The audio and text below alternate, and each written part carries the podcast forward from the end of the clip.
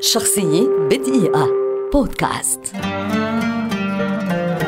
لارا فابيان مغنية بلجيكية إيطالية شهيرة تحمل الجنسية الكندية ولدت عام 1970 وتعد واحدة من أبرز المغنيات على مستوى العالم في العصر الحديث. ظهرت موهبتها في سن مبكرة وبدأت تتلقى دروسا في العزف على البيانو وبمساعدة والدها قدمت أول عروضها على مسارح صغيرة ومسابقات للهواة والمبتدئين.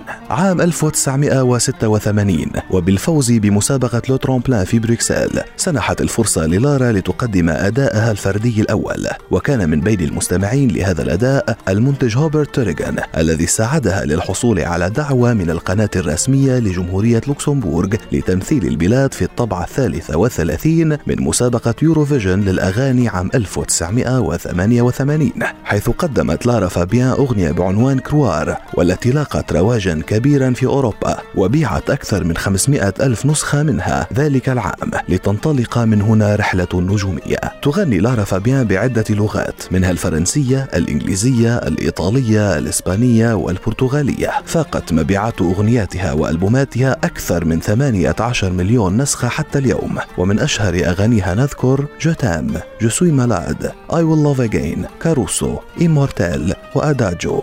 حصدت لارا فابيان العديد من الجوائز المرموقة خلال مسيرتها مثل جائزة فيليكس جوائز الموسيقى العالمية وجوائز الاتحاد البلاتيني لأوروبا. وهي دون شك اسم لامع سوف يبقى طويلا في ذاكرة الموسيقى العالمية. شخصية بدقيقة.